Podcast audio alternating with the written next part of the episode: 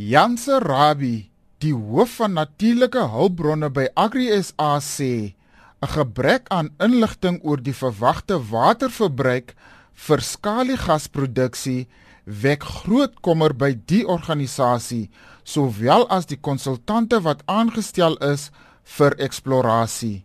Suid-Afrika is 'n waterskaars land die inligting wat beskikbaar is vir ons vanuit hoogs aangeskrewe omgewingskonsultante wat aangestel is om om hierdie ondersoeke te doen namens regering sowel as die petrochemiese maatskappye vertoon nog steeds en hulle maak dit duidelik dat daar 'n geweldige hoeveelheid ontbrekende inligting is goed wat nie geweet word nie oor die geantisipeerde watergebruik en waar die water vandaan gaan kom sowel as kontamineringskwessie. Ons is 'n absolute voorstander van ekonomiese ontwikkeling in Suid-Afrika. Dit is in landbou se belang, dit is in die land se belang en ons wil saam met regering daaroor werk. Maar hierdie stelling kan ons nie anders doen as om te sê luister, Agri SA is op hierdie stadium gegee die inligting wat bekend is en beskikbaar is en die beste inligting wat daar is op die oomblik, nie die posisie om skaliegasontwikkeling te ondersteun of jou hartig te ondersteun nie. Drie tegniese samewerkingspermitte waarvoor aansoek gedoen word, sowel as die eksplorasieregte wat in die Karoo en elders vir aansoek gedoen word. Outomaties die hou van daardie eksplorasiereg die, die eksklusiewe reg verleen om aansoek te doen op 'n latere stadium vir die produksiereg en daarbey dan natuurlik volskaalse skaliegasproduksie wat soos ons weet en soos wat ons gesien het was die waarskynlikheid het om ons landskap en ons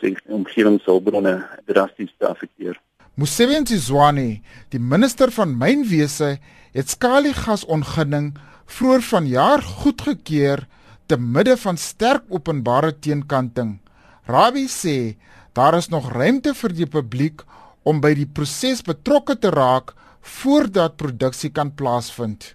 Dit is vir ons belangrik om nou betrokke te raak want die geleentheid daarvoor is eintlik besig om om minder te raak. Ons sien in KwaZulu-Natal is daar alreeds aansoeke om op pogings gewees deur die regering om aansoeke om tegniese samewerkingsooreenkomste op permitte eers sowel as eksplorasieregte toe te ken aan die petrochemiese maatskappye wat daarvoor aansoek gedoen het. So ons verwag dat die die beweging rondom eksplorasieregte eers daar gaan plaasvind. Daar is ook natuurlik verskeie ander prosesse wat daarna volg, byvoorbeeld omgewingsimpakstudies en publieke deelname prosesse wat gevolg moet word daaroor, sowel as watergebruiklisensies moontlik wanneer dit daarvoor aansoek gedoen moet word, sowel as um, die nodige magtigings en insonerings te kry vir wanneer skaliegasontwikkelings op landbegrond gaan moet plaasvind. So daar is verskeie geleenthede om nog betrokke te raak. Feit dat regering op hierdie stadium sy wetgewing en regulasies rondom skaliegas sover as moontlik probeer in orde kry, is weer eens 'n goeie ding, maar die proses laat natuurlik nog steeds toe daarvoor dat hierdie aansoeke wanneer hulle op die uh, tafel van 'n besluitnemer kom nog steeds met die nodige omsigtigheid behandel moet.